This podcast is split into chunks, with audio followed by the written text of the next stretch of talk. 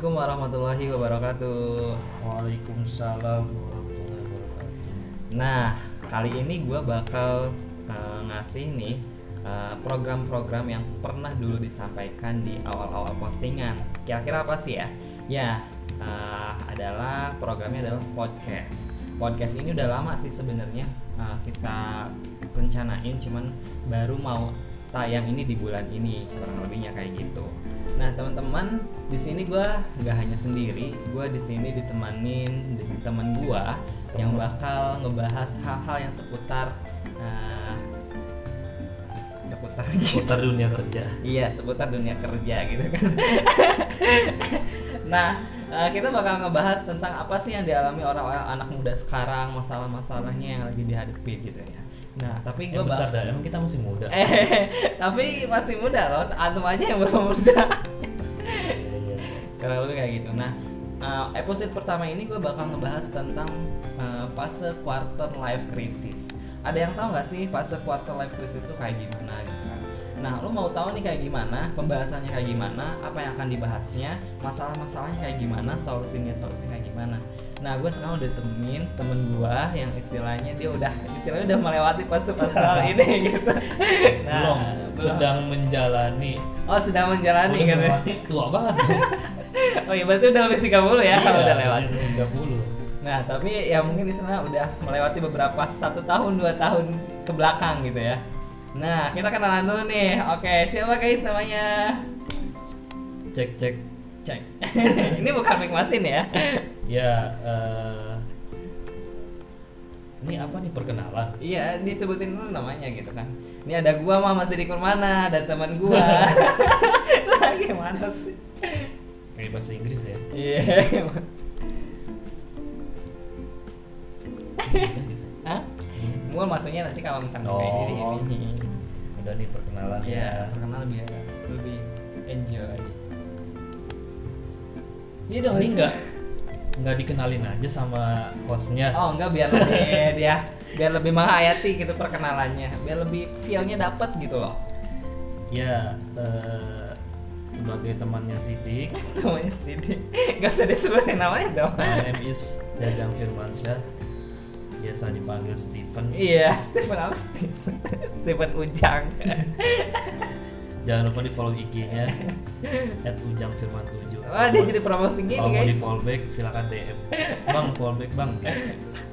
Tapi ya kalau eh tapi hati-hati kalau di fallback nanti ada sesuatu yang ini.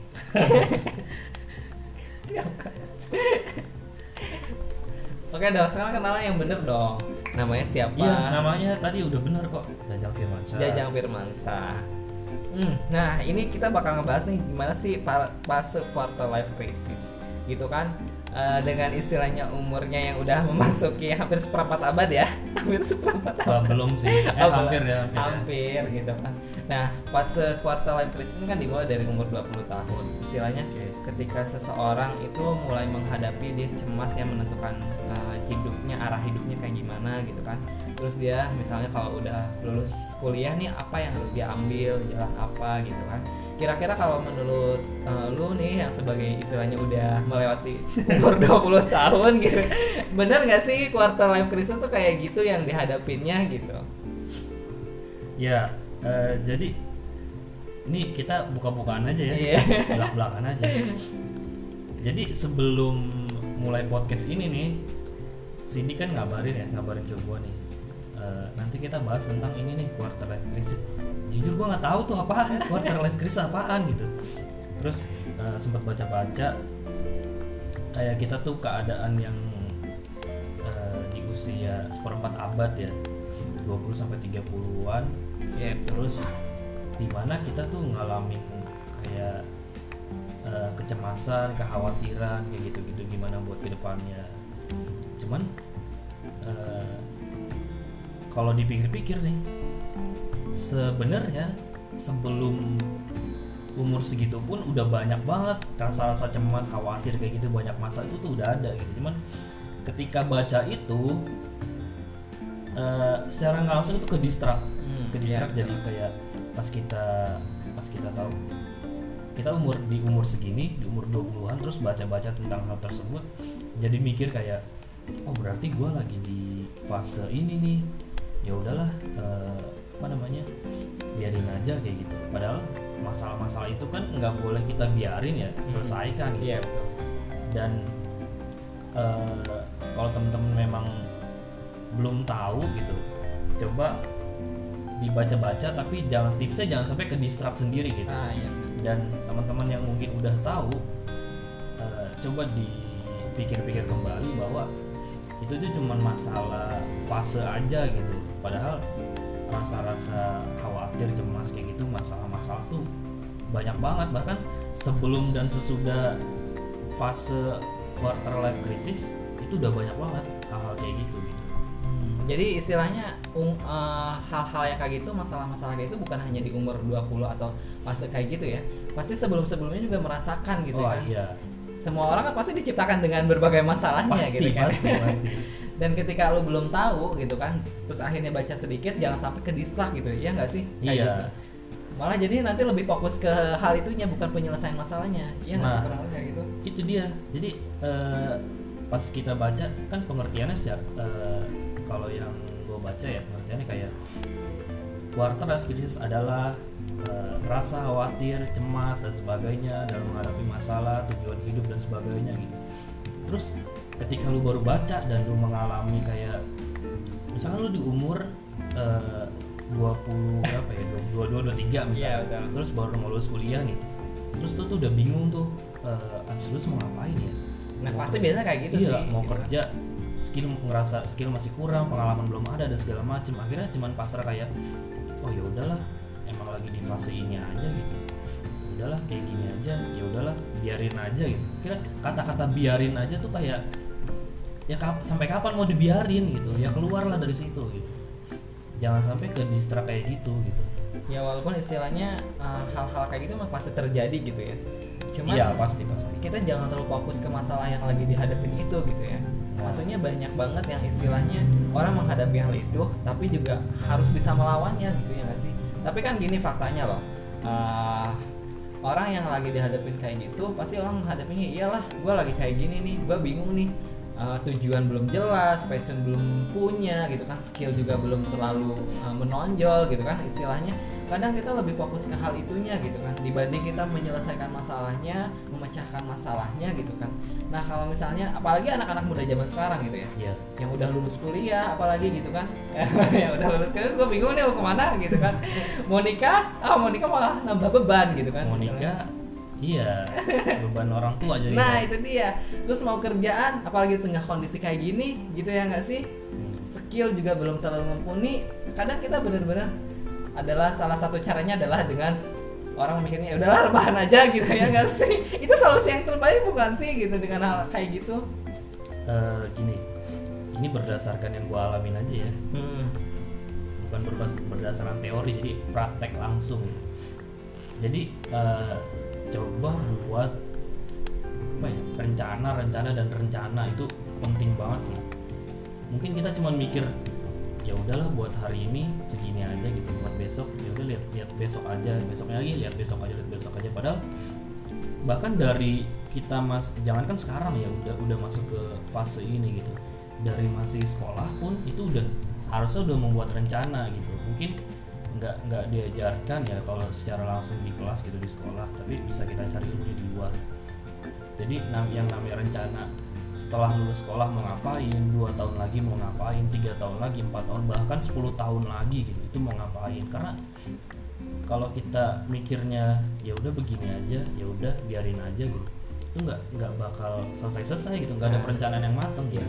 Ujung-ujungnya apa? Misalnya kita lulus di umur terus eh, SMA atau SMK di umur berapa ya biasa 17-an. 17-an ya 17-an terus kita nggak mikirin eh, lima tahun lagi mau ngapain gitu akhirnya masuk ke umur lima tahun lagi dua-dua ya dua-dua tuh bingung tuh mau ngapain misalkan eh, lulus kuliah bingung mau ngapain Iya, Nggak itu ada perencanaan yang mateng gitu.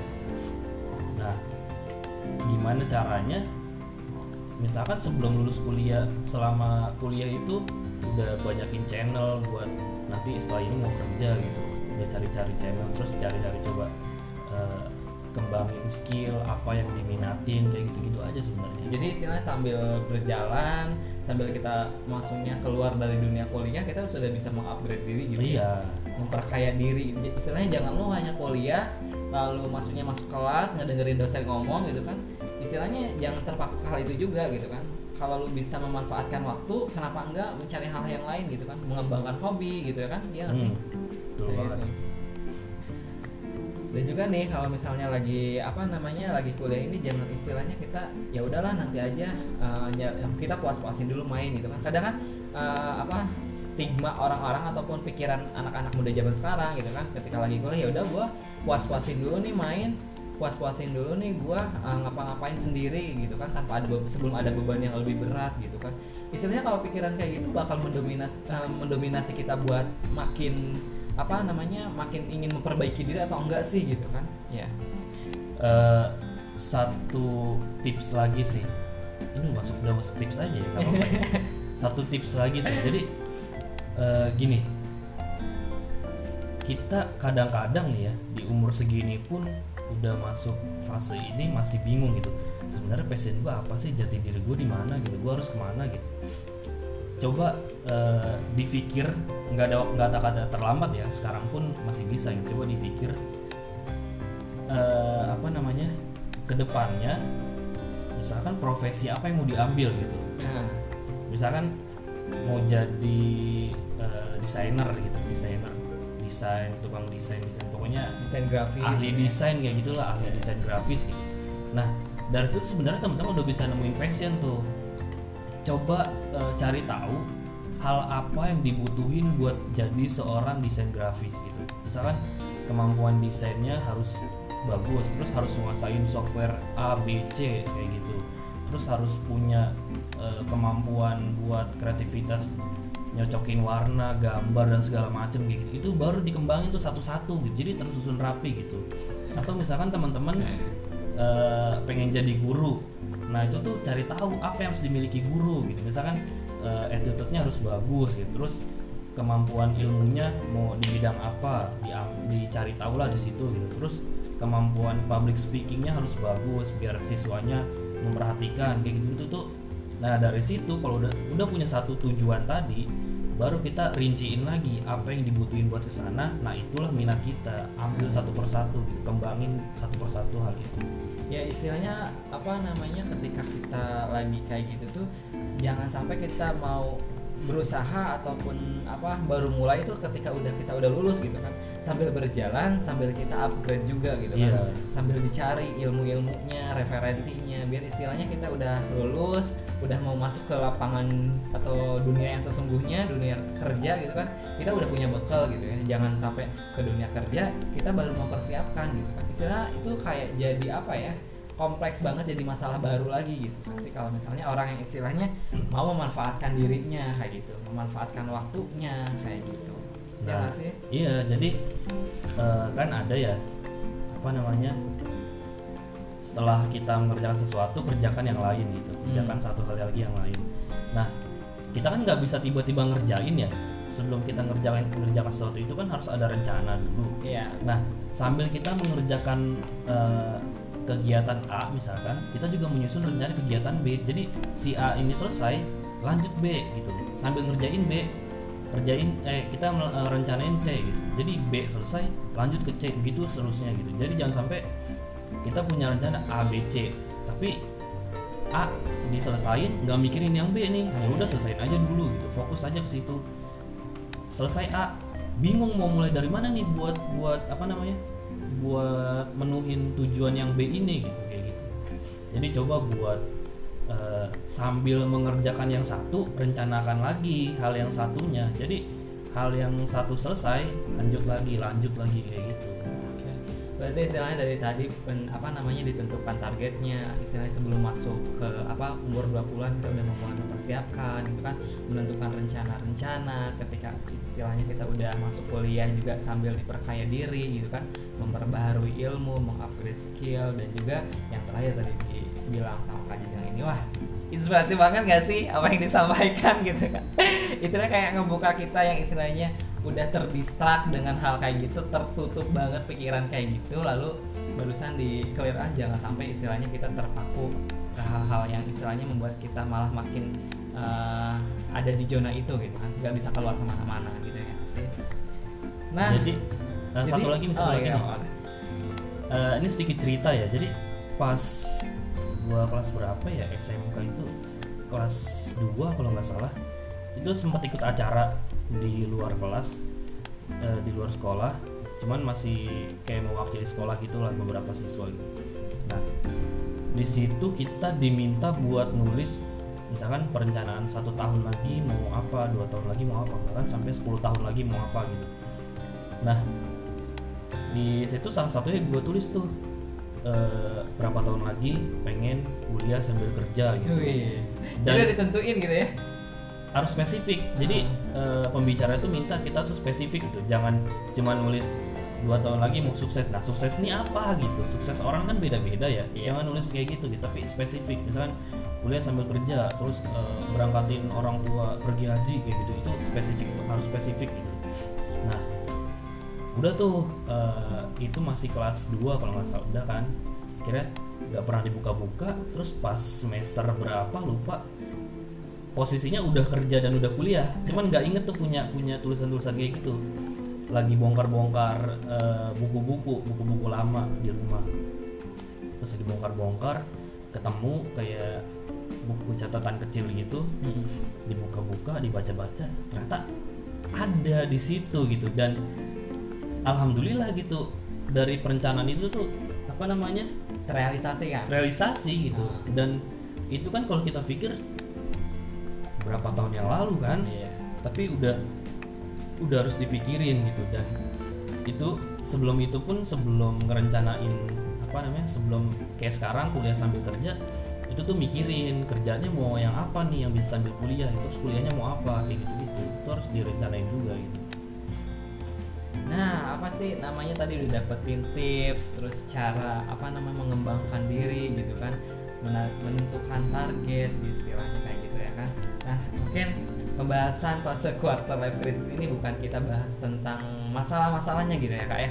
Kita lebih bahas ngebahas tentang solusinya, apa yang harus kita lakukan. Jangan sampai kita terdistrak ataupun terpaku dengan masalah hal itunya gitu ya sih.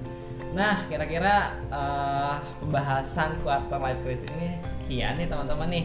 Nanti akan ada episode-episode lainnya. Ini baru part satu Iya, baru part satu. Nanti kita uh, ulik ini lagi kalau dibahas bisa sampai subuh. Oh, pasti. Sebenarnya Pak, wah ini kalau diceritain nggak bakal sehari gitu loh. Gimana iya. masalah-masalah yang menderak kepada diri gitu ya kan sih? terus kejadian-kejadian apa yang pernah dialami gitu ya kan sih? Itu banyak banget. Wah, itu udah gak bisa diceritain lagi, udah hampir gimana ya? Udah hampir terkubur atau gimana gak sih kak? Bukan terkubur ya. udah nggak mau mengingat gitu. Ya? Kayak tertindih ya. Satu lagi masuk lagi masalah lagi masalah lagi tindih lagi tindih lagi. Jadi kayak silih berganti, udah kita nggak apal masalah persisnya kayak gimana iya. gitu. Ini masalah A udah diarsip nih dari ruang arsip masalah B masuk ntar masalah C satu persatu diarsip ya, betul. jadi ya istilahnya apa pun yang kita hadapin ini kita harus pasti menemukan solusi nah solusinya gitu ya jangan sampai kita terpaku dengan masalah hal itunya gitu ya nah uh, pembicara kita bukan pembicara ya. Narasumber kali ini kan luar biasa banget. Pertama terus wah memukau sekali gitu ya. Namanya siapa jadi luar biasa nih biasa di luar ya. oh, di luar. Saya biasa emang di luar. Iya, bisa di luar. Tapi tapi ini nanti kalau misalnya kita mau dengar lagi tips-tipsnya ataupun misalnya sharing-sharing lagi kita bakal undang lagi gitu ya. Jangan kapok nih kita bahas-bahas kayak gini gitu kan. Nggak nggak kapok yang penting sedia teh pucuk boleh nih kan? Oh kalau. Nanti ada sponsornya gitu. Iya. Oh iya nyebut merek ya. Maaf maaf. Kita bukan endorse ya mas. Iya maaf nggak di endorse sebenarnya tapi nggak apa-apa lah. Nggak sekali lah ya. Bantu usaha orang. Apalagi zaman sekarang kondisi kayak gini gitu Nah guys, kira-kira kurang lebih kayak gitu. Uh, gimana tadi masalah-masalahnya, fase apa fasenya dan juga solusi-solusi yang harus dihadapinya kayak gimana. Dan tentunya kita sebagai manusia pasti nggak pernah luput dari masalah ya sih. Dan yang tergantung adalah kita menyikapinya kayak gimana. Dan tentunya jangan sampai kita menyerah dengan kondisi yang sekarang kita hadapi. Nah, uh, kayaknya kurang lebih seperti itu eh, kita bakal bahas lagi mungkin ada di episode 2 dengan bahasan-bahasan yang lain tapi untuk bahasan kali ini episode kali ini kita cukupkan sekian ya. Nah eh, gua Muhammad Sadiq Permana. Pamit nih dari teman-teman semua dan teman gua juga. Ya eh, siapa tadi? Steven eh ya? bukan mah Jajang Firmansyah izin mengundurkan diri. Izin mau mengatakan diri. Terakhir ada nih. Terakhir. Terakhir apa nih? Terakhir eh, sebuah quotes eh bukan quotes sih biasa patah atau gimana enggak ini mah dorongan cuman, motivasi gitu. cuman kata-kata yang sekilas tiba-tiba muncul aja. Oke silahkan nih apa nih? Eh, jadi masalah apa pun yang kita hadapi gitu kita coba buat jangan cuman fokus ke masalahnya hmm. tapi fokus juga ke pengembangan dirinya gitu. Karena dengan pengembangan diri justru kita bisa nyelesain tuh masalah-masalahnya gitu. Seperti itu. Ya, gitu ya istilahnya ya. Oke nih, tadi udah dapat wejangan, motivasi, terus juga tips and tricks gimana cara ngadepinnya dan jangan lupa dipraktekkan gitu ya. Jangan terlalu berpaku sama masalah. Oke, bener gak sih kak? betul Betul. Oke, gua pamit ya. Assalamualaikum warahmatullahi wabarakatuh. Waalaikumsalam warahmatullahi wabarakatuh